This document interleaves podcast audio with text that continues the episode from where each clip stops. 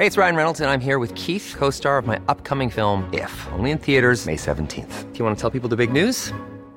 All right, I'll do it. Sign up now and you'll get unlimited for $15 a month in six months of Paramount Plus Essential Plan on us. Mintmobile.com slash switch. Upfront payment of $45 equivalent to $15 per month. Unlimited over 40 gigabytes per month. Face lower speeds. Videos at 480p. Active Mint customers by 531.24 get six months of Paramount Plus Essential Plan. Auto renews after six months. Offer ends May 31st, 2024. Separate Paramount Plus registration required. Terms and conditions apply if rated PG. A lot can happen in the next three years. Like a chatbot may be your new best friend. But what won't change? Needing health insurance. United Healthcare Tri Term Medical Plans are available for these changing times. Underwritten by Golden Rule Insurance Company, they offer budget friendly, flexible coverage for people who are in between jobs or missed open enrollment. The plans last nearly three years in some states, with access to a nationwide network of doctors and hospitals. So, for whatever tomorrow brings, United Healthcare Tri Term Medical Plans may be for you. Learn more at uh1.com. Du lyssnar på en podd från Mediahouse by RF.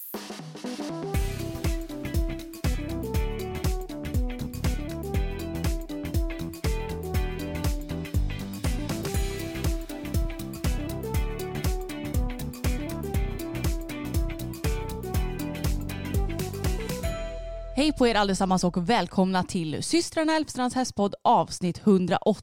Välkomna, jag som pratar nu heter Emma. Och jag heter Anna och det här är podden om oss och våra fyra hästar och ridsporten i stort och smått. Ja, och det här är avsnitt 180 vilket innebär att det här är ett frågeavsnitt. Yay! Yay! Som vi har längtat och säkerligen ni också.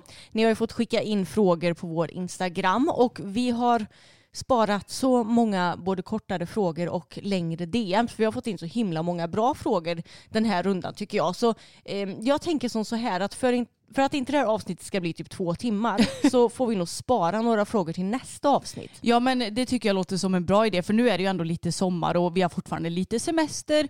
Så jag menar det är ju bara positivt att vi kan svara på ännu fler frågor för vi kanske inte har riktigt lika mycket innehåll själva. Nej men exakt, men ska vi bara ta och uppdatera lite om hur veckan har varit då Anna? Ja men det tycker jag och gud nu blir jag så här, vad har vi gjort? Vi har tävlat. Vi har tävlat Det är ja. väl det stora som vi har gjort egentligen skulle jag säga. Ja men faktiskt och ska vi ta och prata om tävlingen lika gärna? Ja men det kan vi göra och jag kan också säga att på lördag kommer det upp en vlogg från den här tävlingen så har ni koll på det. Precis och då så styrde ju kosan mot Grebagården och vi hade med Pebban och Bella i släpet. Jag skulle tävla Bella och du skulle tävla Pebban. Och dagen innan detta så hade vi ju lite bekymmer först. För då så kläcker pappa ur sig att nej men jag hinner nog inte följa med för det är ju fullt upp med höskördtider. Ja. Och först från början så var jag väldigt stressad över det här för att jag tänkte att nej, vi kommer inte få ihop något hö i år. Hur ska vi behöva köpa hö utomlands ifrån? Men nu har det ju istället blivit så här att pappa har det lite svårt för att det regnar väldigt mycket. Så då ska han hinna slå och greja och allting mellan regnskurarna typ. Ja exakt. Så har han tur så har han tre, fyra dagar fria från regn så han hinner med någon skörd här Ja. och där. Så han hade lite fullt upp på fredagen och vi hade fått bekräftat att vår medryttare Sigrid skulle följa med. Men vi kände det, ska vi ha båda tjejerna i samma klass? Då vill vi nog gärna ha med oss någon mer person. Ja de är ju ganska så jobbiga att ha med sig båda Inte två. Bella. Nej inte Bella. Okej ursäkta. Pebban är ganska jobbig att ha med sig på tävling när någon annan häst är med. Det är ju inga problem att åka iväg själv med henne. Nej. Men när Bella är med, ja vi ska ju snart på tävling med Fokus och Pebban tillsammans också. Det blir intressant. Ja det blir intressant att se om det är lika illa så att säga. Så då kände vi att det är ganska skönt att ha med sig två stycken eftersom vi skulle gå banan och sådär samtidigt och någon eh, var tvungen att hjälpa mig och någon var tvungen att hjälpa dig och vi hade ju typ three in one jobb den dagen också. Ja. Vi skulle ju dels tävla, det får man ju ändå säga är ett jobb i sig för det kräver ju mycket fokus och sådär. Sen så skulle vi vlogga, vilket ju är ett jobb i sig så vi får något innehåll. Och sen skulle vi fota och filma till ett samarbete. Så det var liksom tre jobb på en dag och då var det tur att vi hade två medhjälpare med. Ja, så vi hörde ju av oss till bästa Filippa Ullmo som, eh, ja men vi lärde ju känna varandra genom att hon började fota på vår ridklubb. Och sen så visade det sig att hon var världens härligaste människa och nu så har vi blivit kompisar. Eller nu, det var väl Det ett, var tag ett tag sedan. men eh, det är så tacksamt och Filippa är ju van tävlingsmänniska själv också så Ja. det gör ju det hela väldigt mycket enklare. Och hon hade med sig kamera och ja, är så himla peppande och hjälpte mig att bälla fint på framhoppningen och sådär. Mm. Men hur som helst, vi åkte iväg med dem till Grevagården och du hade start nummer sju och jag nummer 17 i klassen. Ja. Så då så var ju planen att vi skulle ta ut Pebban innan klassen började såklart. Så att du fick rida fram en del innan det var dags för bangång och sen framhoppning för er skull. Ja. Och alltså, när vi skulle sadla och grejer med Pebban, det krävdes typ tre personer som Ja. försökte att hålla henne stilla. Ja men hon ställde sig till och med och stegrade pyttelite någon Mm. gång. Hon, hon var så stressad för att komma ifrån sin älskade Bella. Trots att hon stod typ två meter ifrån henne, bara att Ja. Bella stod inne i transporten. Ja nej men det här är ju verkligen något som vi behöver jobba på. För Pebban hon har ju blivit väldigt fäst vid de andra hästarna på gården kan man säga. Mm. Hon tycker ju till och med det är lite jobbigt att vara själv i stallet utan att någon annan häst är med. Då är det så här, hon kan inte riktigt stå still. När andra hästar är inne så står hon helt stilla. Men hon, ja, hon har blivit väldigt fäst vid de andra hästarna. Och sen vet jag inte heller om det är lite värre nu på sommaren när hon brunstar och sådär också eventuellt. Ja, och när alla går tillsammans kanske också för den delen. Ja. Men jag tänker att det är ju en sån här sak som bara, alltså mängdträning kommer Ja. att ge resultat tänker jag. För Jag tänker det med. när jag tänker efter så var ju fokus verkligen likadan också. Mm. Han var jätte, jättestressad när han var själv i stallet och numera, ja det kanske sker en gång på hundra att han är stressad i stallet. Men jag Mm. menar, det kan ju alla vara oavsett hur mycket man har tränat. Ja. Nej, så det var ju lite kämpigt med att få ordning henne, men till slut så fick vi på alla grejer och det såg så lustigt ut när Sigrid skulle skritta iväg med henne för att det såg ut som att Pebban när som helst skulle explodera bredvid Sigrid typ. Hon gick så snabbt. Ja, men det som är så bra med henne är att hon gör ju aldrig det. Nej, Det ser, bara, det ser bara ut som hon ska göra det. Ja, hon är ju en snäll häst och skulle inte få för sig att göra något dumt. Men det är lite mycket myror i huvudet på den där ibland. Ja, det är det. Men eh, det gick mycket bättre att hoppa upp på henne den här gången. Filippa hade något knep när vi skulle sitta upp, vet jag. Ja, Eh, typ att hon, vad sa hon? Att men hon knackade lite mellan ögonen liksom i pannan. Absolut inte hårt på något Nej. vis utan bara så här knackade lite lätt och så kliade hon lite och så knackade hon lite och så kliade hon lite. För att tydligen så ska hästarna få lite ja, kortslutning eller att de blir lite distraherade av det i alla fall.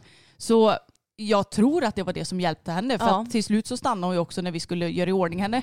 Och då hade Filippa gjort samma sak.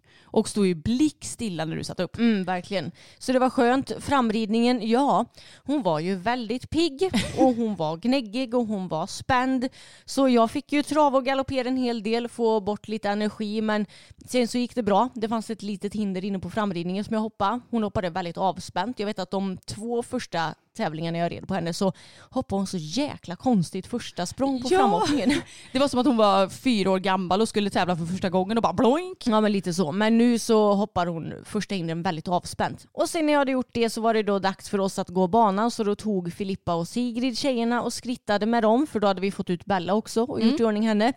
Och så gick vi i banan och planerade lite grann hur vi skulle rida och sådär. Jag kände att vi båda två hade nog en ganska bra plan hur vi skulle rida va? Ja men jag tycker det och det är det här som jag tycker är svårt när man inte hopptävlar så regelbundet som jag gör just Ja. nu.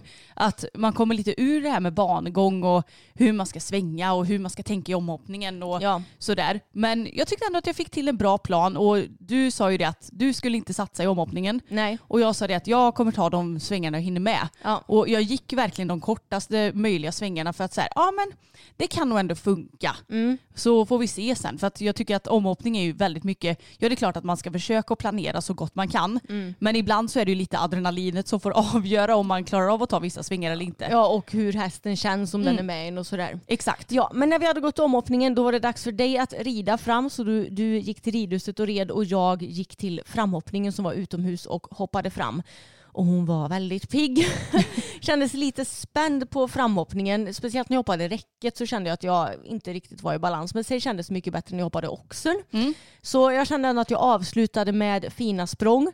Och sen så gick jag in på banan och då hade ju du kommit och ställt dig utanför banan och eh, kikat. Ja. Och det märkte ju Pebban. Det blev en hel del gnäggande och hon såg minsann vart Bella var någonstans. och det första hindret hoppades ju ner mot där du och Bella stod. Och jag vill alltid egentligen med Pebban få ett lite så här tillbakaläge kanske på första hindret så att man inte rider iväg henne på första hindret. Men nu fick jag ett lite mer framåtläge dit så det- är egentligen enda gången jag kände att bromsen kanske inte riktigt funkade helt hundra på banan efter första hindret när hon var på väg mot Bella. Sorry. Nej det är ingen fara. De behöver träna på det också. Ja. Nej men jag fick så himla fint flyt i grundomgången. Alltså förlåt Emma men det var så jävla bra ridet. Ja men jag är så nöjd med hela banan. Alla distanser kändes klockrena. Det, Det ser ju... ut som att ni skulle kunna starta 1.30 i imorgon typ, för det såg så busenkelt ut. Ja men det, det har ju varit en liten tendens där med att det, det blir trångt typ på distanser Mm. och bromsen funkar inte och bogen flänger hit och dit. Men jag hade verkligen stenkoll på allt den här banan kände jag. Mm. Och det var så, nej men alltså vi fick så himla bra flyt och det var lugnt och fint och hon lyssnade bra på mig. Så vi var felfria i grundomgången. Och sen omhoppningen är jag så himla nöjd med för jag red verkligen precis som jag hade planerat. För som du sa så hade jag inte planerat att rida för att få en placering idag. Eh, dels på grund av hur förra tävlingen slutade kanske. Jag kände att jag vill ha, bara få till en bra känsla hos både mig och Pebban den här gången. Men också ehm, för att mitt största mål det var att ha koll på bogarna Ja. och bromsen. Så jag kortade helt enkelt in vägarna lite grann där jag kunde. Jag gasade inte direkt på för jag känner att ska jag gasa på så behöver jag mm, ha lite bättre koll på bromsen än vad jag har just nu. Så vi får ta lite i taget. Men jag tyckte ändå det såg ut som att du växlade upp galoppen pyttelite. Ja men lite Ja. gjorde jag nog. Så jag, inte så mycket som jag skulle kunna göra med typ Bella till exempel. Nej. Men att jag ändå ga- gasade upp kanske lite grann. Och mm, nej, men jag fick till så himla bra. En sväng var ändå ganska så snäv. Det var sen jag gick banan så kände jag att ja, jag får se lite om jag tar den eller om jag går utanför. Men så kände jag att hon var så fint med mig och att jag verkligen hann utan problem svänga. Det var en vänstersväng till ett räcke och så red man innanför ett annat hinder. Så jag hade ju bara typ ett galoppsprång språng rakt innan hindret, Ja. innan det kom. Och hon är inte van riktigt vid omhoppningar för hon, hon hoppade så himla lustigt på det hindret. Ja men det var som att hon bara, vill du att jag ska hoppa det Hon här bara, nu? Oj, liksom, det var som att hon inte hoppade utan som att hon tog något litet krumsprång över hindret. Som att hon blev lite förvånad över att Ja. det stod där. Typ. Och så blev hon lite smått obalanserad efter hindret och landade i fel galopp och, och sådär. Men eh, så avslutade vi också, det här var ju revanschen, med en högersväng. Där hon var med så himla bra och jag fick så himla fint framåtläge mot sista hindret. Så, alltså jag kände jag kunde inte ridit bättre i omhoppningen och hon kunde inte ha känts bättre. Nej och den sista högersvängen det var ju typ en sån sväng som det var i Falköping bara att i och för Ja. sig det hindret stod ju närmre staketet så det kanske också hade lite med sitt att göra. Ja, det var inte riktigt samma men det var Nej. ändå en skarp högersväng. Precis. Och jag kände att jag hade verkligen 100% koll på bogen kändes det Mm. som. Så det känns som att vi, får, vi tar oss verkligen framåt och framåt när det kommer till den här bogkontrollen. Mm. Och det, det här tycker jag är väldigt intressant för att Emma och Anna för typ tio år sedan, vi hade ju bara, ja men är man med och tävlar då satsar man ju järnet liksom.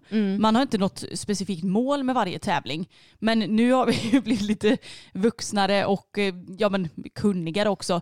Det, det är verkligen helt okej att inte ha som mål att bli placerad utan den här tävlingen ville du fokusera på bogarna. Ja. Och det gjorde du och det är ju en vinst i sig för jag menar det är ju det som har varit det kluriga. Ja, verkligen. Och jag menar vi var inte långsamma, vi var knappt en sekund från placering. Och då var det ändå väldigt många snabba som... eh, Ja det var ju hela gång. tiden som man hörde och nu gick det en ny ledare upp i, ja, Ja. i klassen och ny ledare och ny Ja. ledare. Jag bara men gud hur snabba är de? Ja, så jag är ändå nöjd med att vi ändå kunde vara så konkurrenskraftiga trots att jag inte satsade. Mm. Så mm, hon är ju naturligt snabb, det är bara att vi ska bli lite bättre på de där svängarna och sådär. Men det, det kommer. Det gör det garanterat. Och när jag och Bella hade kikat på eran start så knatade vi bort mot framhoppningen.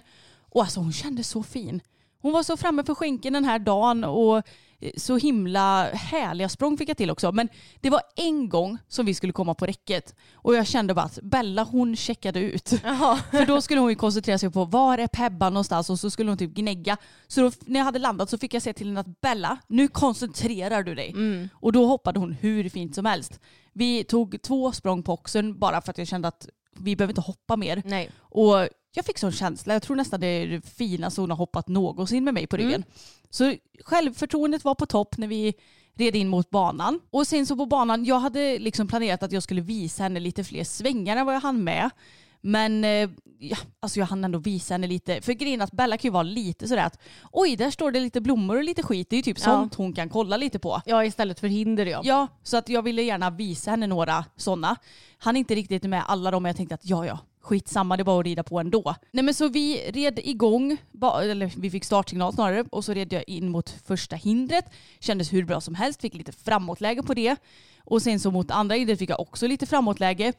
Och sen så till tredje hindret fick jag också lite framåtläge och det hindret damp i backen. Ja, så hon blev lite för lång helt enkelt. Ja, och det är ju det här som också är svårt när man inte har tävlat på så länge. För att hon brukar ju, eller när jag har tävlat henne så har hon snarare varit lite åt det blygare hållet att rida. Lite mindre framme på skänken och sådär. Den här tävlingen var hon väldigt pigg och framåt och då är det ju helt plötsligt lite av en annan häst att sitta på.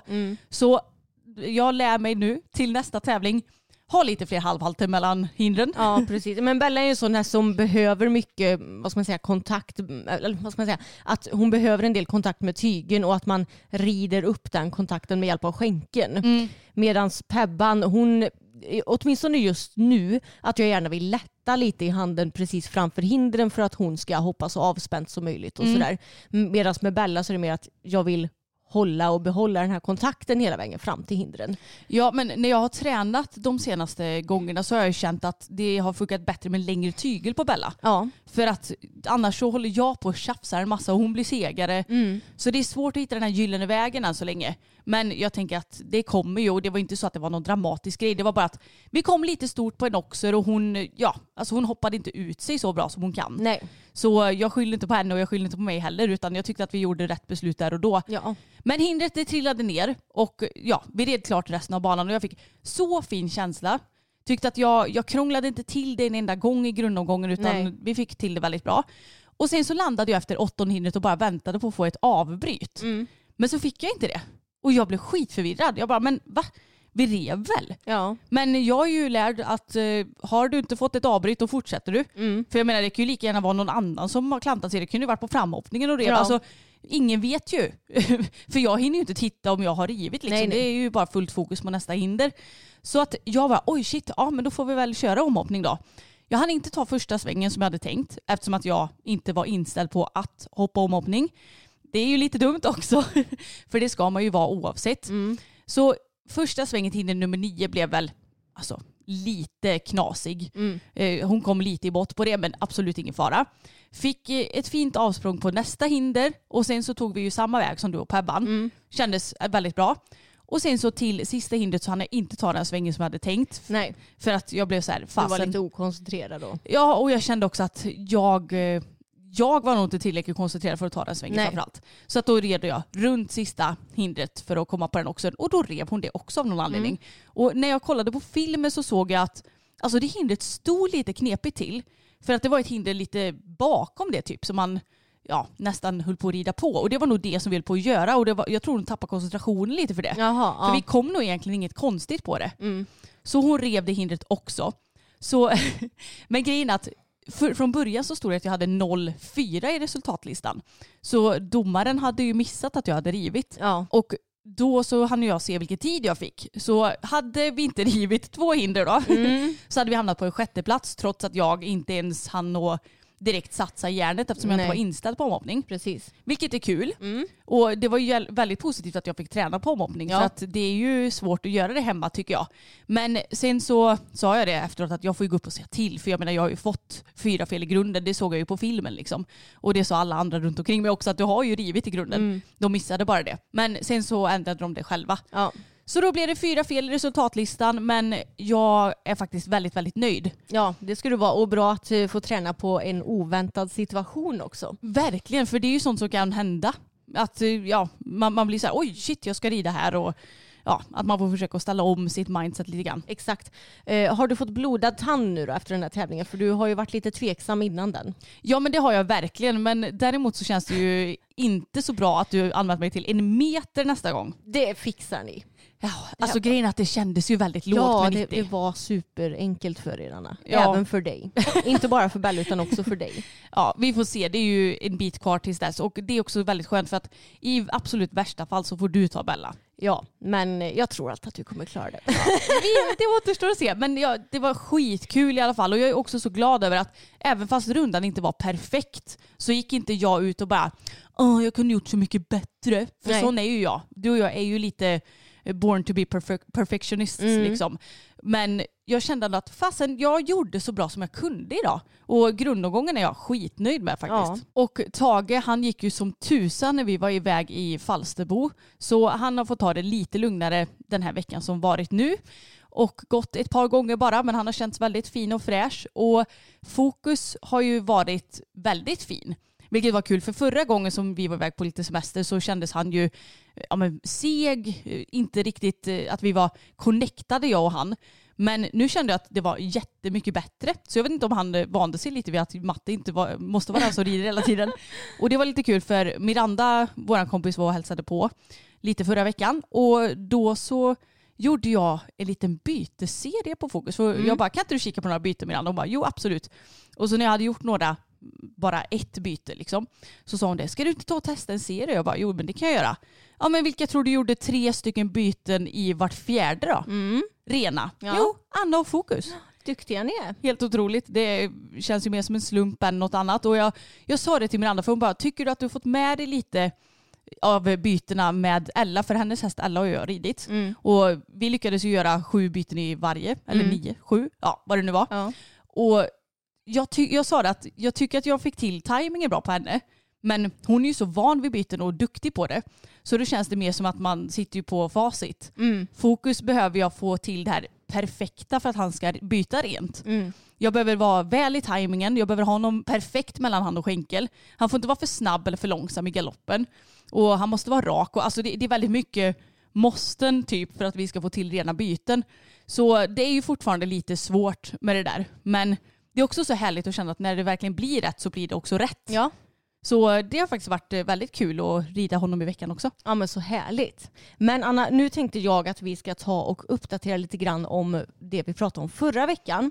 För då diskuterade vi ju Falsterbo och att det har kommit så mycket kritik om det här med hårt spända nosgrimmor till exempel och att folk har sett mindre trevliga grejer på framridningen som de har rapporter- rapporterat till överdomare och stewards men att det ändå inte har hänt någonting. Och det har ju kommit både lite artiklar och eh, andra grejer så att säga sen vi spelade in förra poddavsnittet. Så jag tänkte att nu kör vi en liten nyhetsuppdatering. Och en artikel kommer ifrån tidningen Ridsport och den heter Överdomaren. Vi har kontrollerat alla hästar och jag tänker att jag läser lite delar ifrån den. Under Falsterbo Horse Co har man i sociala medier ifrågasatt hästvälfärden i framförallt unghästarnas dressyrklasser. Det har särskilt handlat om nosgrimmer och en namninsamling har startats. Men, menar överdomare Daniel Karlsson, hårt spända nosgrimmer är redan förbjudna. Han bevakade framridningen på dressyren under större delen av eventet. Jag var nationell överdomare lördag till torsdag. Vi har kontrollerat alla hästar, tittat alla hästar i munnen, kontrollerat allt som varit avvikande. Även sporrar, skap, sidor. Vi har verkligen gjort allt vi kunnat. Vi lämnar inte framridningen och vi har alltid hästarnas välfärd i fokus. Vi kontrollerar att all utrustning är korrekt och korrekt anpassad. Det har hänt att vi skickat iväg hästar innan de börjat prestera och så har man fått springa iväg och köpa nya bett. Det har också förekommit att vi har vidtagit åtgärder. Jag har släppt ut nosgrimmer och det har även min kollega gjort. Om ett par hästar har vi påpekat att nu har hästen gått för kort och för rund för länge. Oftast handlar det inte om att ryttaren med våld har tagit in hästen. Ryttaren kan ha närmast glappande tyglar men hästen har släppt kontakten och parkerat i ett läge bakom hand. Då säger vi kan du gå ner diskret eller klappa lite på halsen så att den släpper. Som alltid på stora tävlingar kan man garantera att det förekommer reaktioner. Det har varit personer framme och pratat med mig vid framridningen. Det kom ett gäng och ifrågasatte en hästs form. Just dessa hänvisade jag till våra två FEI stewards eftersom det handlade om en internationell häst. Men vad är det då som gör att man på en tävling som Falsterbo får mer reaktioner från allmänheten? Vi har fått se jättefin sport, jättefina hästar. Det jag ser är unga hästar som har lite erfarenhet. De har rest långt och är kanske för första gången på en så här stor tävling. Det kan ha mycket flykt och är inte i den sinnesstämningen de har hemma. Daniel Karlsson intygar dock att kontrollerna är lika omfattande oavsett hästarnas ålder. Hästarnas välfärd går före allt annat. Ja, det låter ju väldigt bra på papper. Men om de nu har sån koll, varför finns det då sådana bilder som florerar känner jag? Ja, de har fått mycket kritik för det här att om, ja men i sociala medier där de har fått kritik för att ja, men om det är så här det ser ut, hur noggranna har de då varit? Och kanske framförallt hur mycket kunskap har då överdomarna och stewards om det tillåts att få se ut på det sättet? Ja, och dessutom så hörde väl vi att de hade ju inte mätt eh, mellanrummet på nosgrimman på nosryggen på hästen utan Nej. vid sidan. Precis. Och jag menar där ser ju hästens huvud helt annorlunda ut. Då går det ju liksom in eh, jag menar hästen har ju sina kindben Mm. och sen går det in lite innan mulen kommer. Jag menar ja där kan du väl nästan alltid få in två fingrar Ja, typ, oavsett hur mycket du spänner. Det var, jag såg det var någon på sociala medier som kom med liknelsen att om du har, säg att du har ett gäng brädor och ska spänna fast dem med buntband. Mm.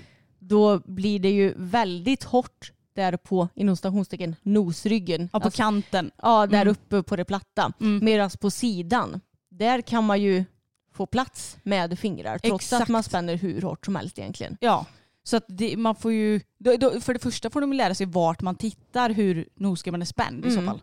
Och även Svenska Ridsportförbundet har besvarat kritiken om de hårt åtdragna nosgrimmorna. Och eh, meddelandet låter så här och det här är då alltså, då alltså ett meddelande till den här namninsamlingen om eh, hårt spända nosgrimmor. Först och främst vill vi tydliggöra att hästvälfärd är en nyckelfråga för Svenska Ridsportförbundet och vi ser positivt på det stora engagemang som finns i dessa frågor. Vi vill också tydliggöra vad som gäller. Namninsamlingen vill förbjuda hårt spända nosgrimmor och där är vi på samma sida. För det är så att hårt spända nosgrimmor redan är förbjudna enligt vårt tävlingsreglemente. Med för hårt avses mindre än en och en halv centimeter mellan nosrygg och rem. Då namninsamlingen rör dressyr vill vi även lyfta fram vad det står i TR2 för dressyr. Där framgår det att nosgrimman får aldrig spännas så hårt att den kan orsaka hästen obehag eller skada. Det är alltså tydligt vilka regler som gäller men reglerna måste också efterföljas. På tävling har överdomare ett stort ansvar för att allt ska gå rätt till, där de bland annat övervakar framridningen ur hästvälfärdsperspektiv och ser till att alla håller sig inom regelverket.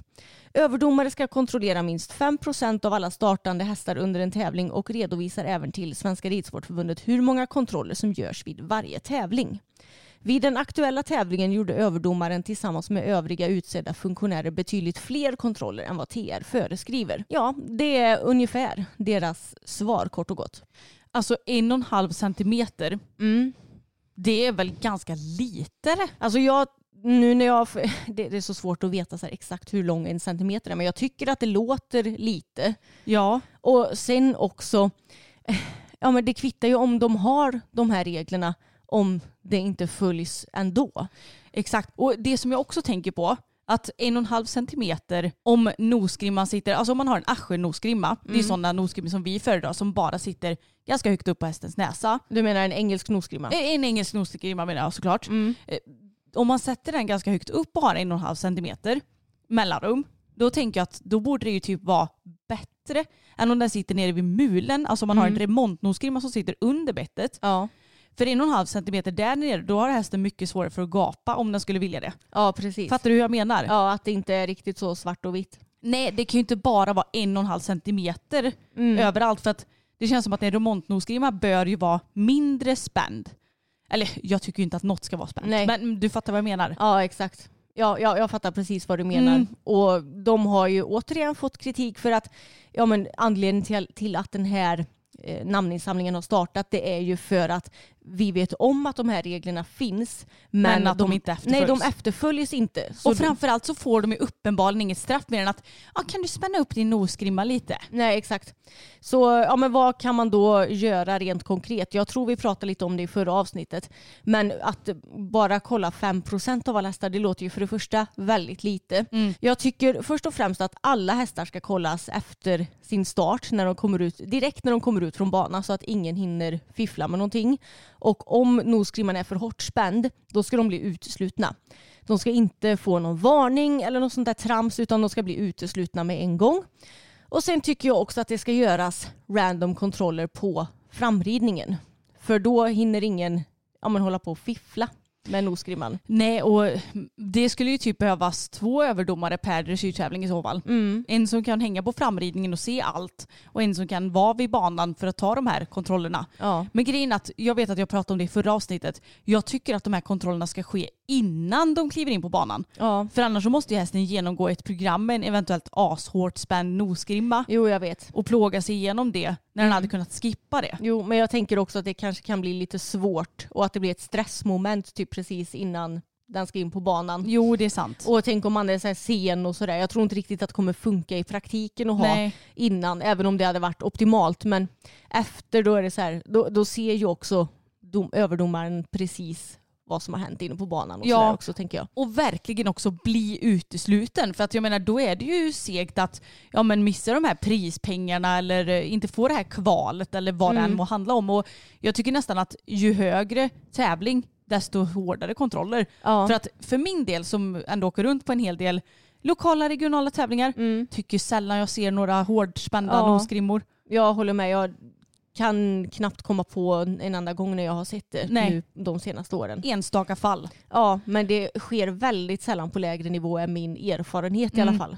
Så mm, det känns ju som att det är ett större problem ju högre klasser hästen går. Ja, och det jag. säger väl sig självt också. Mer pengar, Ja, mer krav på hästen, mer våld typ. ja men exakt. Alla jobbar ju inte så givetvis. Men Nej, men eh, det ska vi inte behöva tillägga tycker Nej. jag. Vi pratar ju liksom om ett generellt problem. Exakt. Men, eh, ja, men också de här random-kontrollerna på framridningen, att de blir uteslutna direkt då också så att Ja. de inte får en chans att förbättra sig. Nej, de får För det ska du fan redan veta om att du ska göra Ja. och ha koll på reglerna. Så tydligare regler och kanske framför allt tydligare och mer vad ska man säga, hårda tag från överdomarna. Ja. Och problemet med alltså, sporten överlag är ju att folk är så rädda för att bli, Säga ifrån Ja, till de högre namnen typ. Precis, säga ifrån till de stora namnen som har mycket pengar och mycket inflytande i sporten. Det är ju exakt därför som hästarna blir drabbade. Men det allra sjukaste i den här, ja vad ska man säga, diskussionen, det fick vi skickat till oss på Facebook och då är det en veterinär som heter Flemming Winberg. Känner du igen namnet? Nej, aldrig hört. Inte jag heller, men han ska ju tydligen vara en välkänd veterinär, jobba på Evidensia har jag sett. Vänta, vart ligger Evidensia? Men är inte det en typ En kedja? veterinärkedja? Jo, det är det va? Ja, men ja. Jag tänkte läsa vad han har skrivit då på sin Facebook-sida om det här med hårt spända nosgrimmor. Det är fantastiskt. Jag har varit veterinär i 39 år nu. Jag har jobbat med världens och Sveriges bästa hästar under varje dag, år, denna tid. Inte en enda gång har jag sett en vävnadsskada av en nosgrimma. Det kan finnas enstaka fall av för hårt spända nosgrimmor men problemet kan inte vara särskilt stort. Det är professionella människor som i de flesta fall tar hand om hästarna. Låt oss ha lite förtroende för att de förstår att en misshandlad häst inte presterar. Sluta denna enfaldiga debatt. Lär er rida och prestera. När ni kan det, då kan ni återkomma med erfarenhet och relevanta argument. Jag blir så provocerad. Ja, men det som är allra sjukast är att han har fått jättemycket kritik för det här inlägget. Ja. Bland annat av många andra veterinärer som har berättat om sina erfarenheter om allt ifrån tandskador till andra skador på grund av hårt spända nosgrimmor och ja, men illasittande bett och våld och Ja. allt vad det nu kan vara. Och även veterinärer och eh, andra som har skickat olika sorters studier när det kommer till nosgrimmor och sådär. Men han har ju tagit bort alla de här Oj då. kommentarerna. Mm. Han vågar inte riktigt stå till svars där. Nej, och han kan ju uppenbarligen inte föra en diskussion. Nej. Men alltså det som, det är ju, ja gud jag vet knappt var jag ska börja någonstans.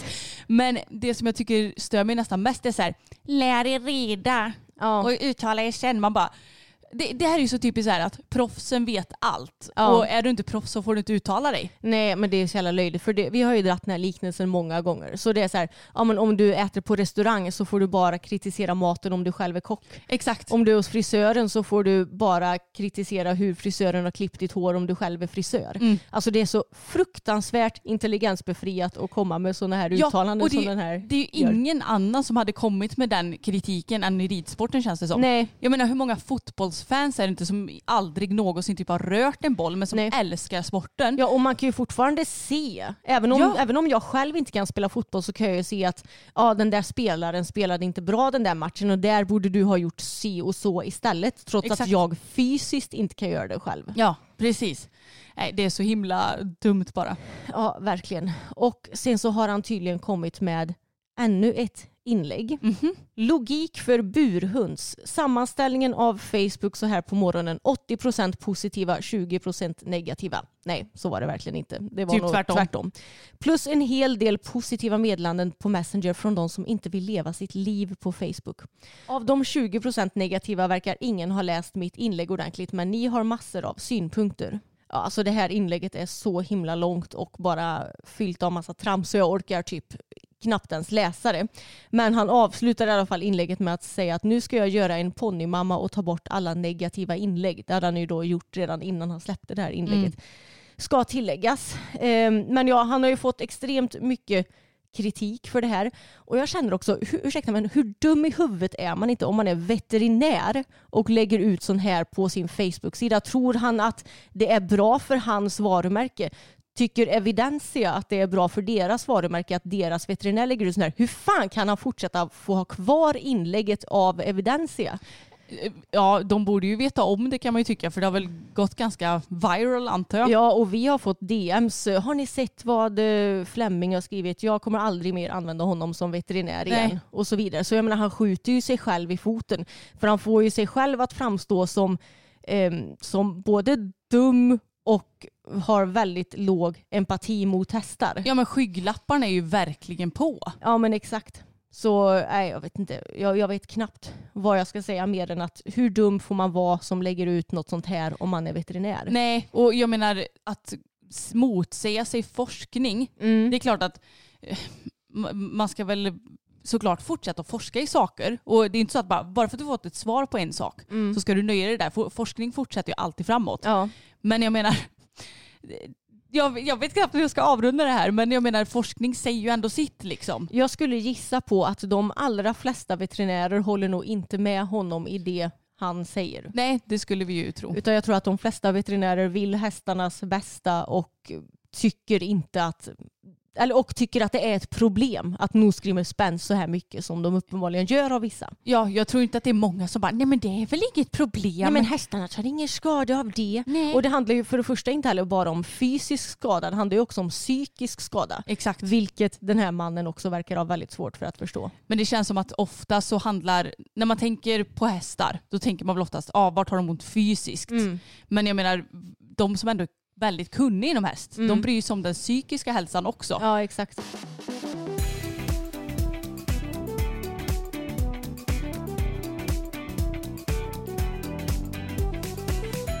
Okej, vi ska snart börja med frågorna. Herregud, det här avsnittet blir så långt men det är så mycket som har hänt inom ridsporten det senaste känns det som.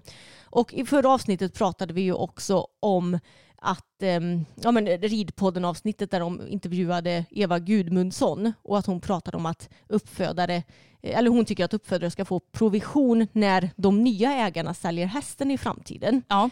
Och då sa vi ju att vi inte riktigt tyckte att det var en så god idé av några olika anledningar. Men då fick vi en kommentar från vår kompis Hanna, Anna. Ja, det fick vi. Mm. Och jag tyckte det var så kul för hon kom ju verkligen med en input som jag själv inte har tänkt på. Och då så skrev hon, det var en god tanke, absolut, alltså det här om Eva. Men säg så här, då hade det ju typ uppstått uppfödarbulvaner som triggar fler och fler försäljningar eftersom det då gynnar uppfödaren att hästen säljs om och om igen. Ja, exakt. Och det är verkligen så sant. Det är så sant. Och hur bra är det för hästvälfärden då att hästarna ska behöva säljas eh, runt, runt, runt hela tiden? Nej, eller hur? Det är det jag tänker också att man vill ju inte att den ska bli en vandringspokal. Nej, Som så- uppfödare vill man väl helst att den ska hamna hos någon och sen vara där resten av livet. Eller kanske någon mer ägare. Ja, precis. Så det är ju ännu ett argument till varför det här inte hade funkat i praktiken. Det funkar absolut inte med levande föremål. Nej, och sen så diskuterar vi det här lite med Gud, nu minns jag inte vem det var. Men att man möjligtvis skulle kunna få en liten procent av prispengarna. Jo men det var nog i Facebookgruppen det skrevs, vår eftersnacksgrupp, att i travet I travet så är det så. så är det så att de får en viss procent av prispengarna när hästen springer in pengar liksom. Och det hade ju ändå funkat, men samtidigt så hade inte det funkat typ som för Nej. Bellas uppfödare. Ja, jag- När du liksom blir placerad i en 90-klass och får 270 kronor, ska hon då få så här 27 spänn av det, då Ja. får vi inget kvar. Men det funkar ju mer om man verkligen vinner en stor summa pengar då i så ja, fall. exakt. Då kanske man får ha...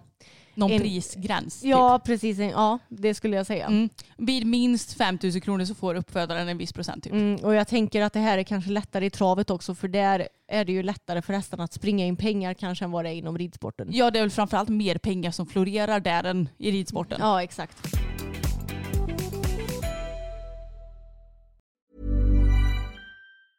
Mom deserves the best, and there's no better place to shop for Mother's Day than Whole Foods Market. They're your destination for unbeatable savings, from premium gifts to show-stopping flowers and irresistible desserts. Start by saving 33% with Prime on all body care and candles. Then get a 15-stem bunch of tulips for just $9.99 each with Prime. Round out Mom's menu with festive rosé, irresistible berry chantilly cake, and more special treats. Come celebrate Mother's Day at Whole Foods Market. It. Burrow is a furniture company known for timeless design and thoughtful construction and free shipping, and that extends to their outdoor collection.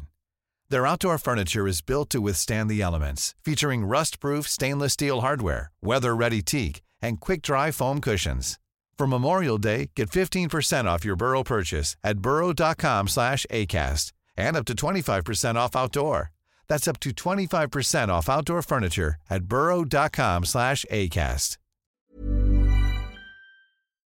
Men nu ska vi i alla fall dra igång med frågorna och jag tänker att vi börjar med de kortare frågorna Mm. och sen tar vi de ja, DMs som vi hinner med i det här avsnittet. Ja, och sen så sparar vi till nästa avsnitt helt enkelt. Och jag tycker att vi ska börja med en ganska rolig Emma. Vilka hästar är mest lika er och era föräldrar? Okej, vi börjar med mig idag. Jag är ju absolut mest lik Bella. Ja, För att vi har båda humör, är lite kaxiga och jag vet inte. men grejen är att det är också lite kul för jag och Bella gick ju inte ihop alls i början. Jag var Nej. så här bara, men gud vilken jobbig häst. Sen när jag insåg att vi var lite lika, då kunde jag på något sätt landa i det och nu älskar jag ju den hästen. ja, hon är ju underbar. Vem är jag mest lik då? Ja, jag har ju svarat på det här förut. Jag tycker att du är mest lik Tage. Ja, Ja, jag tänkte säga det, Tage. Lite så här... eh, men du är ju, ni är lite som en katt, både du och Tage. Mm. Om ni vill ha sällskap, ja men då tycker ni att det är helt eh, nice med sällskap. Men ni kan lika gärna gå, ja, typ som när han är i ena hagen och de andra är långt, långt, långt Ja. bort i den andra. Och ja men lite egen, Mm, lite så, lite seg, för du är också lite så här, Ja, går långsamt. långsam. Men när du väl får fart, Ja, då, då går det snabbt. Ja, men så är det. Och han är ju likadan. Ja, mamma då? Ja, mamma är ju mer typ Pebban skulle jag säga. Mm, För hon, hon är snäll och har koll på saker. mm. Fast i och för sig, Pebban har lite för mycket typ myror i brallan än vad mamma har. Ja. Men jag skulle ändå säga att Pebban är mest lik mamma. ja, och pappa, Gud, det här var svårt. Han är ju typ också Eller Tage. eller Pebban? För pe- pappa har ju myror i brallan om någon. Ja, det är sant. Men han har inte så himla bra koll på allt alltid. Nej, han är kanske som fok. Ja, kanske. Pappa var svår att sätta på någon av våra hästar. Ja, det var han verkligen. Emma, Ja. vad brukar du göra när du har ångest?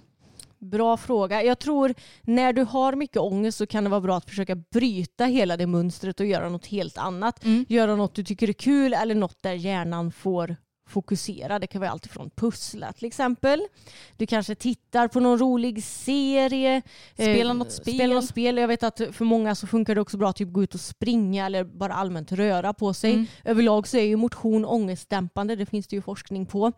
Men jag tror också när det kommer till ångest och grubblande överlag att du kanske nästan tidsbestämmer det här lite grann. Mm. Att nu får jag tänka på det här som jag har ångest över. Men sen måste jag släppa det så att man inte ligger på kvällarna när man ska sova och tänker på det för då kan man ju inte sova till Men exempel. gud vad smart. Så man skulle typ kunna sätta en timer på 20 minuter. Ja. Och så nu får jag grubbla på det här, sen så får jag släppa det och gå vidare. ja, alltså det kanske är lättare sagt än gjort men jag tror att det är en bra, ett bra mål att ha Mm. för hur man ska hantera det. Verkligen. Och jag försöker att tänka också, om jag får ångest så brukar jag försöka att bena ut vart det kommer ifrån. Ja. För ibland kan det vara så här, fan jag sa det där eller åh nu ska vi göra det här eller ja, att det ändå finns någon situation som gör att ångesten kommer. Och försöker att bena ut det men ibland så kan det ju bara komma ändå. Helt random. Och då försöker jag göra som du säger, bara bryta det. Typ börja städa eller någonting. Ja. Det är ju min standardgrej. Kanske bara en känsla, men tycker ni inte om Pebbles lika mycket längre? Krånglar hon? Nej!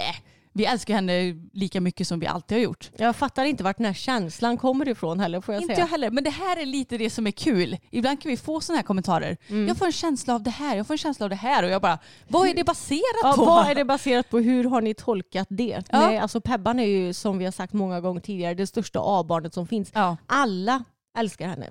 ja, alla som har provat henne Mm. avgudar den hästen. Alla som träffar henne avgudar henne. Ja, det, det enda är ju då när man åker två stycken på tävling, då är hon jobbig. Men jag Ja. menar att det är hennes enda flaw i princip. Ja, men hon är ju jobbig att typ sadla och hantera och typ när man ska rida fram. Men sen så går det ju jättebra på banan och när man börjar motionera henne ordentligt. Mm. Men jag tror nog vi ska få koll på det också så småningom. Ja, det kommer nog. Har ni något meeting inplanerat? Inte som det ser ut precis just nu. Vi skulle ju egentligen åkt, ja var det den här veckan, nej förra veckan som var ju. Ja.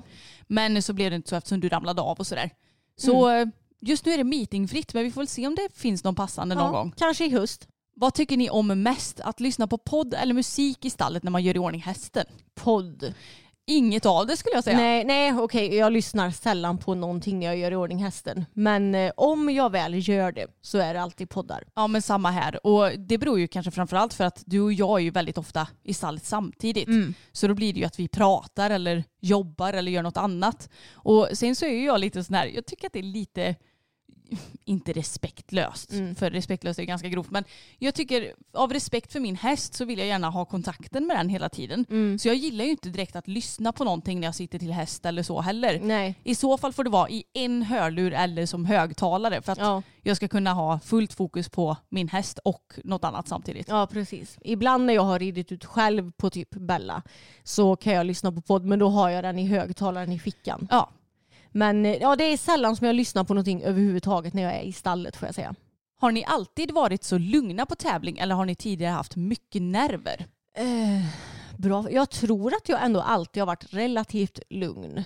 Mm, det var väl kanske tageperioden där som du var lite... Ja, men då, jag tänkte att det berodde nog inte på att det var tävling utan Nej. att det var tag. Ja, jag tror det med. Men säg från boppen och framåt Ja, så har jag nog ändå varit lugn. Jag, jag känner mig, så här, har jag en häst jag litar på, vilket jag har gjort med både Boppen, Bella och Pebban, Mm. då känner jag mig lugn. För då, jag känner, då har jag ändå koll på situationen och litar på min häst. Då är det bara jag som ska prestera också. ja men precis. Jag, jag tror att jag har haft mycket, mycket mer nerver än du. Men så är jag också mycket mer känslomänniska också.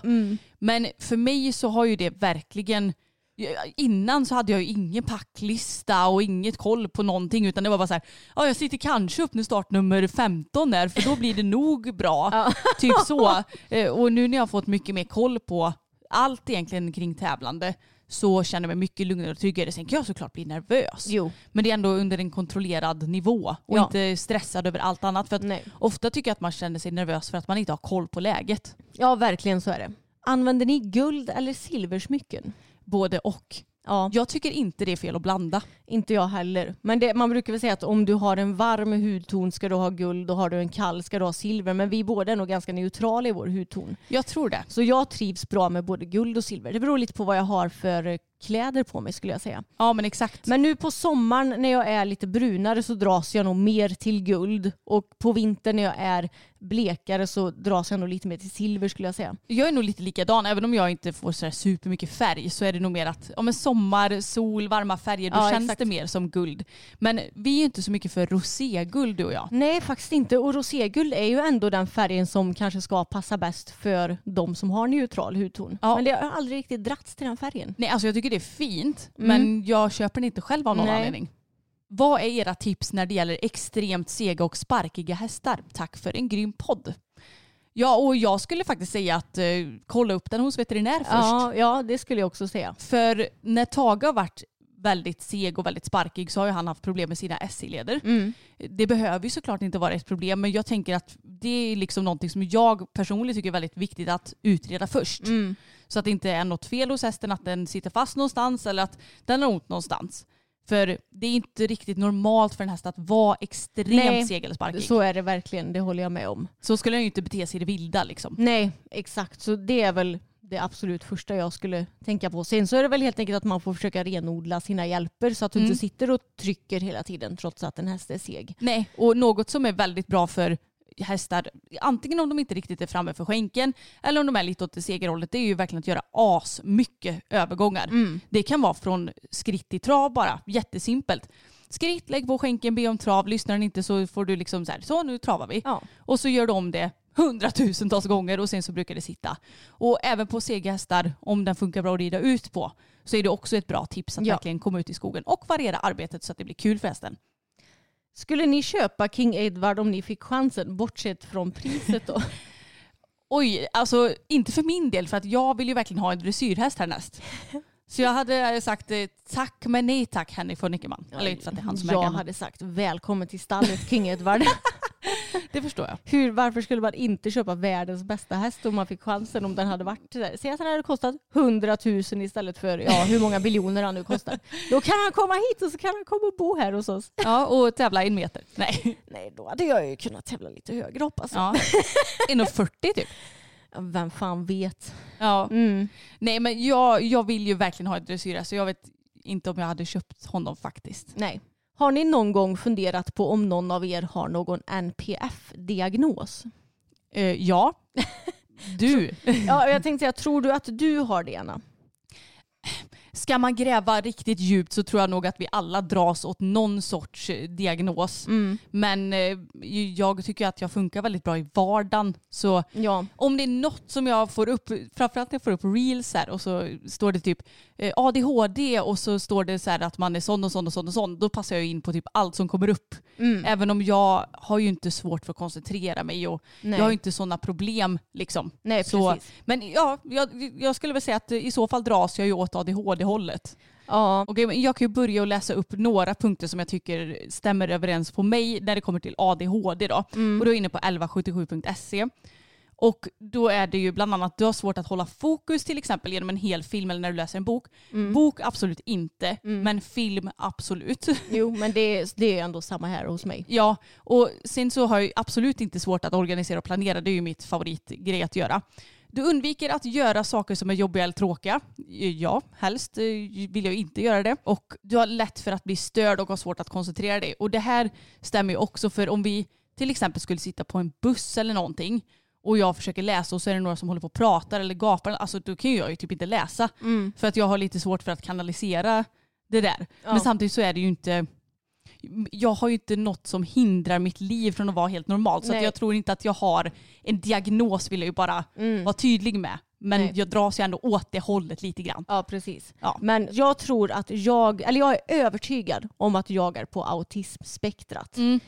Och det är jag övertygad om att pappa är också. Ja. Jag och pappa vi är ju de två som är kanske mest lika i familjen när det kommer till våra personligheter. Ja, det är ni. Eh, men när det kommer till eh, hur vår eventuella autism visar sig så är ju vi ändå ganska så olika där. För autism, det, om jag har förstått rätt så visar det sig dels med hur du agerar i det sociala.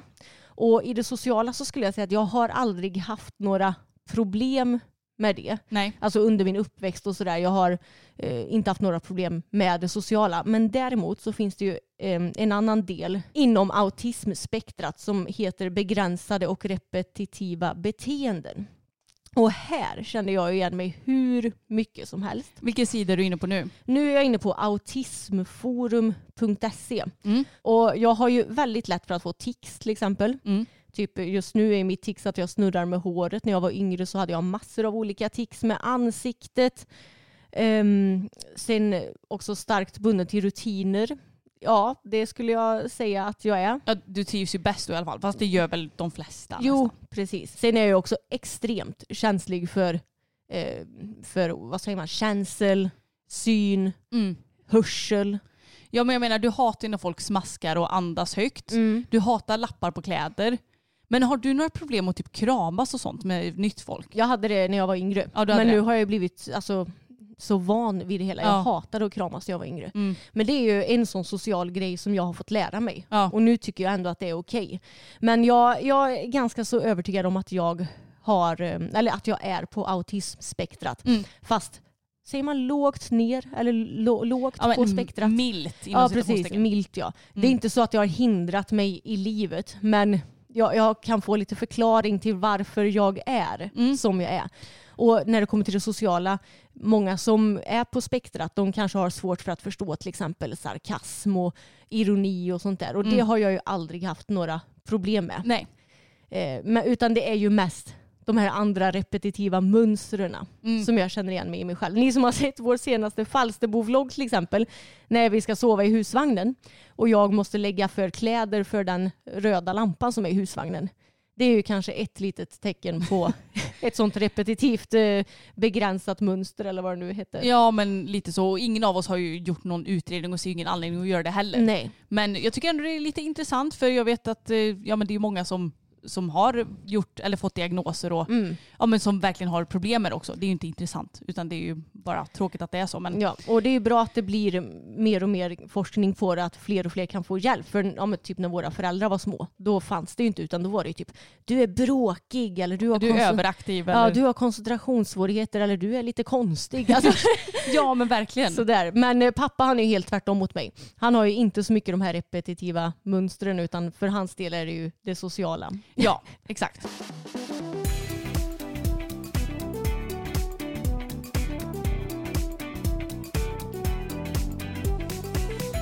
Nu har vi fått en fråga som passar så här på sommaren. Hästar måste väl bli varmare av att ha flugtäcke på sig? Blir alltid nojig men behövs för allt bitande är här nu. Och grejen att jag tror nog inte att hästarna blir varmare med flugtäcken på sig.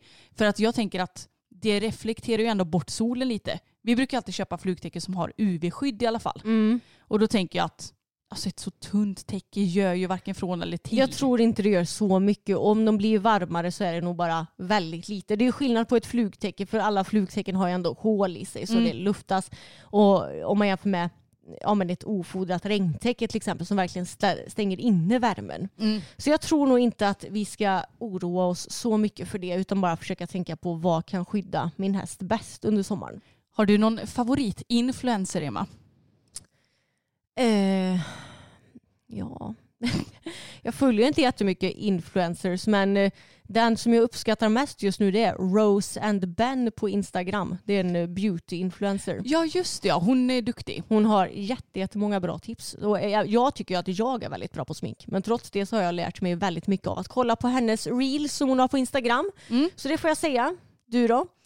Men jag vet inte om jag har någon ärligt talat. Jag, jag är ju mer sån här att jag följer typ matkonton för att få matinspiration. Ja men samma här. Så jag tycker om eh, Veggomagasinet och jag tror hon heter Fit Green Mind också. Mm. Eh, Maja från Tyskland är hon. Mackans kost. Mackans kost, ja. Gud ja. Så att jag är mer matkonton. Jag tycker Ja, men inte det- om klassiska influencers. och Nej inte jag heller. följer absolut inte typ Bianca Ingrosso och så. Jag, jag ser inte ner på om man gör det men Mm. det tillför absolut ingenting i mitt liv. Nej men samma här. Vilken musik gillar ni att tagga slash peppa till inför tävling eller på gymmet? På gymmet så lyssnar jag mycket på ja, men så här, typisk festmusik, det vill säga house skulle jag säga.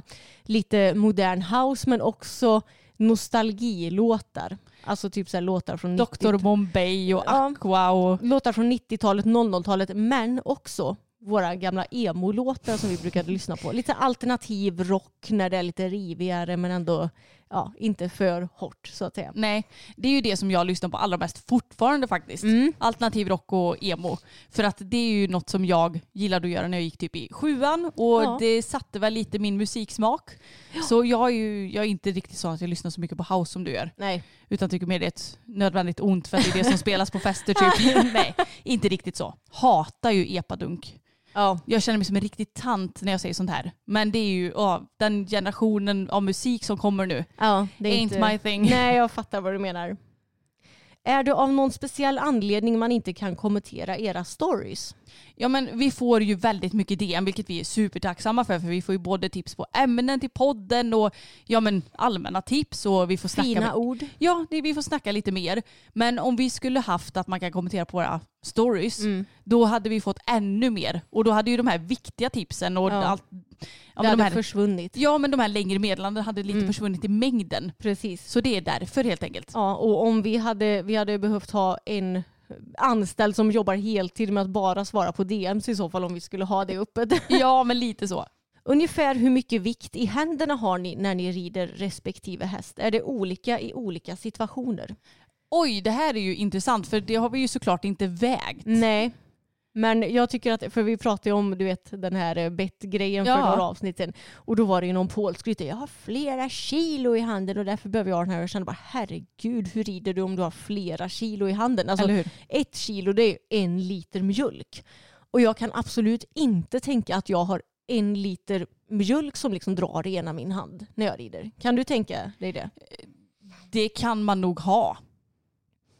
Ja, nej, jag, jag är Ja, Det osäker. är jättesvårt, det är så svårt att veta för när man bär någonting så känner man ändå hur tungt det är men det är svårt Mm. när man liksom drar i något, det låter hemskt men Mm. Jag vill minnas att när vi var på föreläsning med en hästtandläkare så sa han att det optimala är att ha typ ett halvt kilo i varje hand. Ja, ja okej, en liter mjölk totalt. Ja, det kanske är mer rimligt. Mm. Men jag skulle ändå säga att det är lite olika på alla hästar. För att Tage tycker jag behöver mindre kontakt i handen Mm. än till exempel Fokus. Ja. Och Pebban behöver ju också lite mer än Bella skulle jag säga också. ja, just nu i alla fall för hon Mm. är ju överlag lite starkare även om hon har blivit mycket bättre. Mm.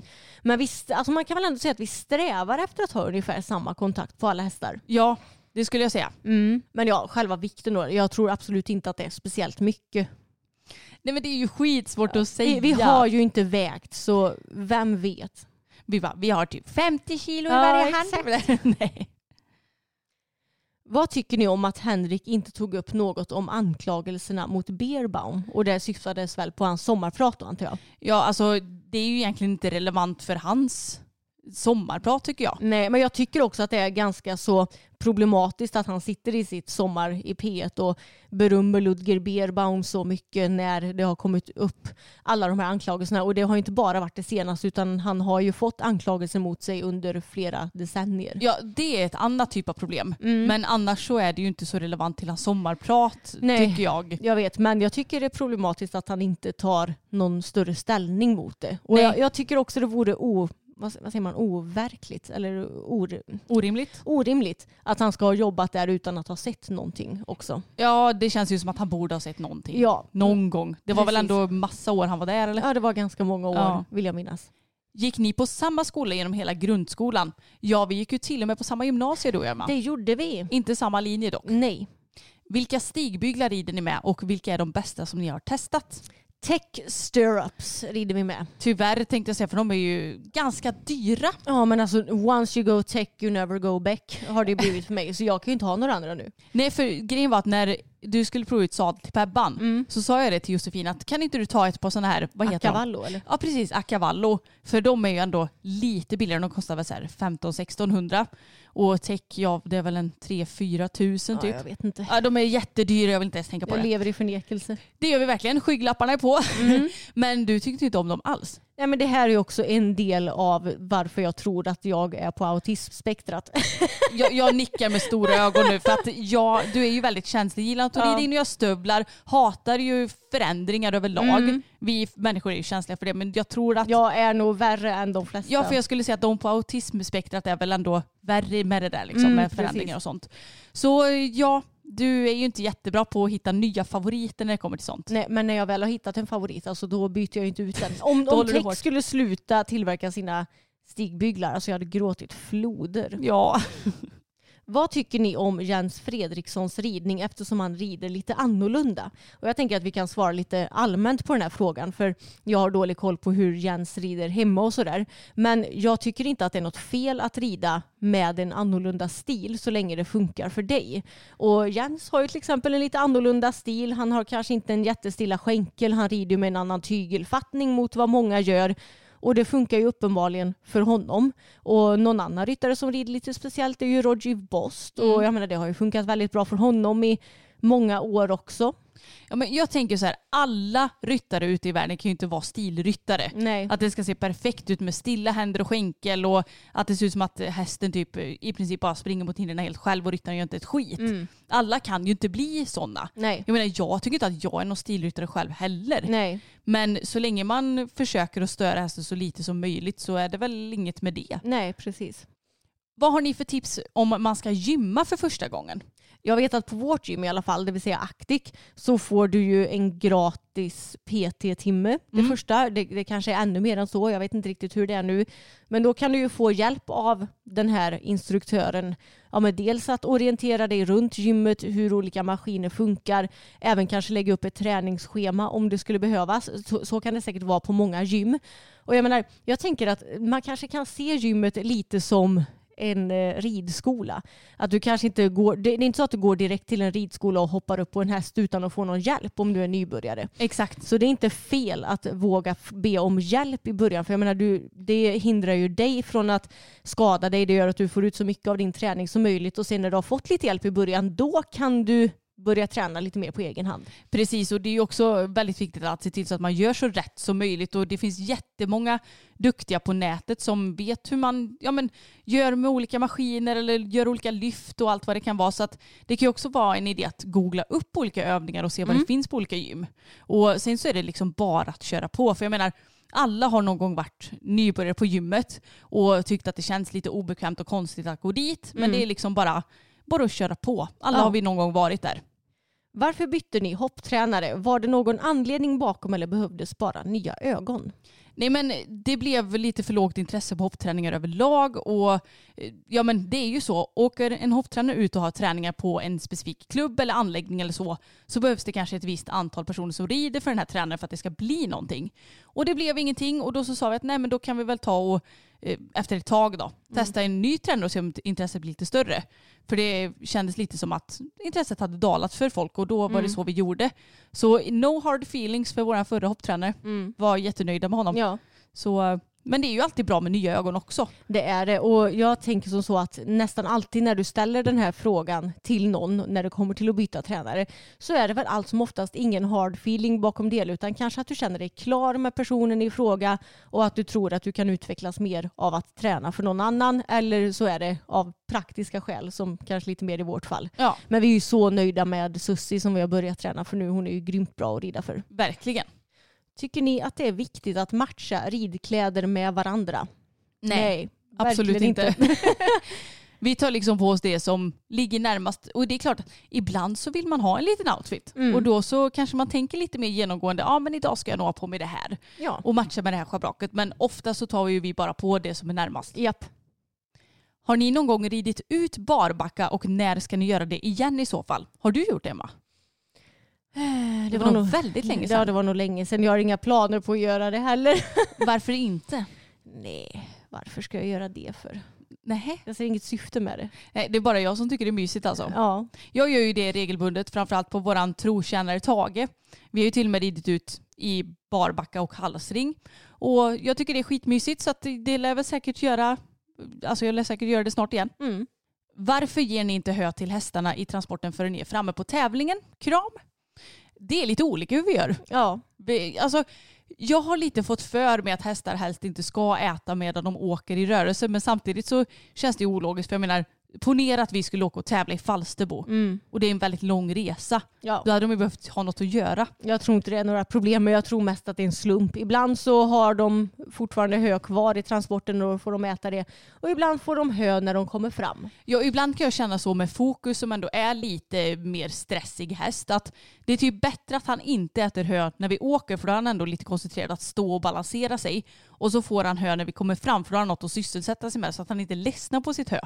Så jag vet inte, vi har nog inte något riktigt eh, logiskt svar på den här frågan. Mm. Hur många okända personer har jag hälsat på på eran gård? Ja, tack och lov inte särskilt många. En handfull kanske. Ja.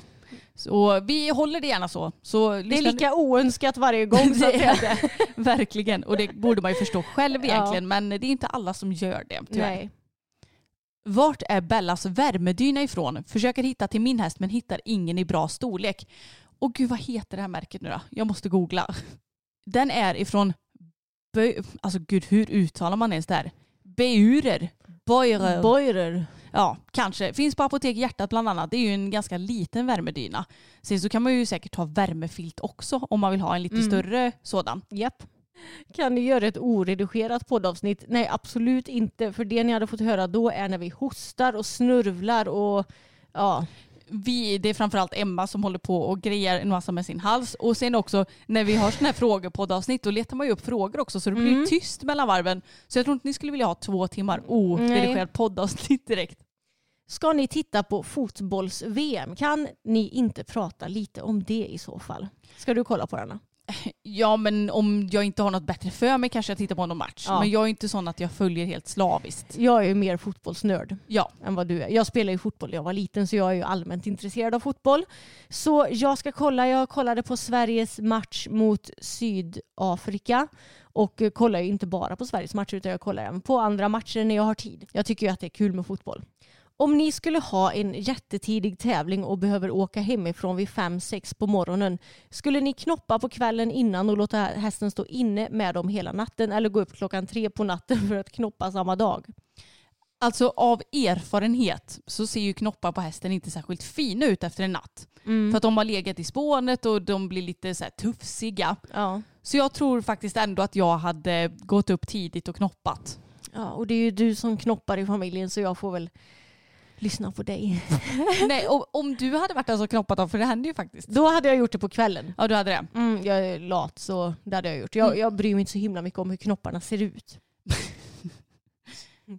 Tips när man ska köpa sin första egna sadel. Och det här är ju intressant för det är ju jättesvårt när man inte har gjort någonting innan. Vad gillar man? Vad tycker man inte om? Ja. Och jag tror att det bästa är att säga till den sadelutprovaren du har valt att jag har aldrig provat ut en sadel förut så jag vet inte riktigt vad jag kommer tycka om. Nej. Och många sadelutprovare, typ som Josefin som vi tar hjälp av, är ju ändå väldigt duktig på att säga typ att ja, men den här tycker jag du sitter bra och naturligt i och den här tycker jag inte du ser så... Nej. Hon säger kanske inte specifikt att den Nej inte ser men så bra till ut exempel som med mig att nu börjar skänken flaxa eller nu Exakt. är du inte lika still med överlivet och sånt där. Så en duktig sadelutprovare ser ju också vilken sadel du är mest balanserad i. Ja, men jag tycker ändå att man brukar känna vilken sadel känner du mest naturlig i? Och jag tror att alltså alla människor har väl någon form av magkänsla. Ja. Även om alla kanske inte är som mig som sitter uppe i sadel och bara nej, Eller ja. mm, usch nu vill jag hoppa av. Nej men eh, några fler tips då. Ja men prova många, för det är också det som är grejen. Och om du känner att den här kanske kan vara någonting, då kan du ju prova den igen för att se så att det verkligen var en riktig känsla du kände och inte bara den kändes okej typ. Exakt. Har ni någon följare som ni känner igen som kommer ofta när ni har träffar och så vidare? Ja, alltså men flera stycken ja. skulle jag säga. jag skulle säga det både IRL, att vi känner igen vissa följare som Mm. eh, ja, men liksom flitigt har besökt oss på mässor och sådär. Men också i kommentarsfält framförallt. Precis. Så känner man ju verkligen igen namn på de Ja. som är flitiga och kommenterar mycket. Absolut. Och jag har ju väldigt bra ansiktsminne. Så jag har lätt för att känna igen människor som jag har träffat förut. Mm. Här kommer en väldigt intressant frågeställning.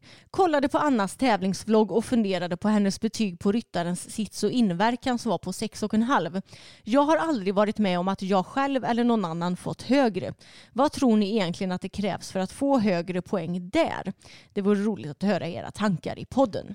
Jo, men det här tycker jag också är intressant för ofta så får jag i slutkommentaren av domaren typ fin sits och så står det inte så mycket mer.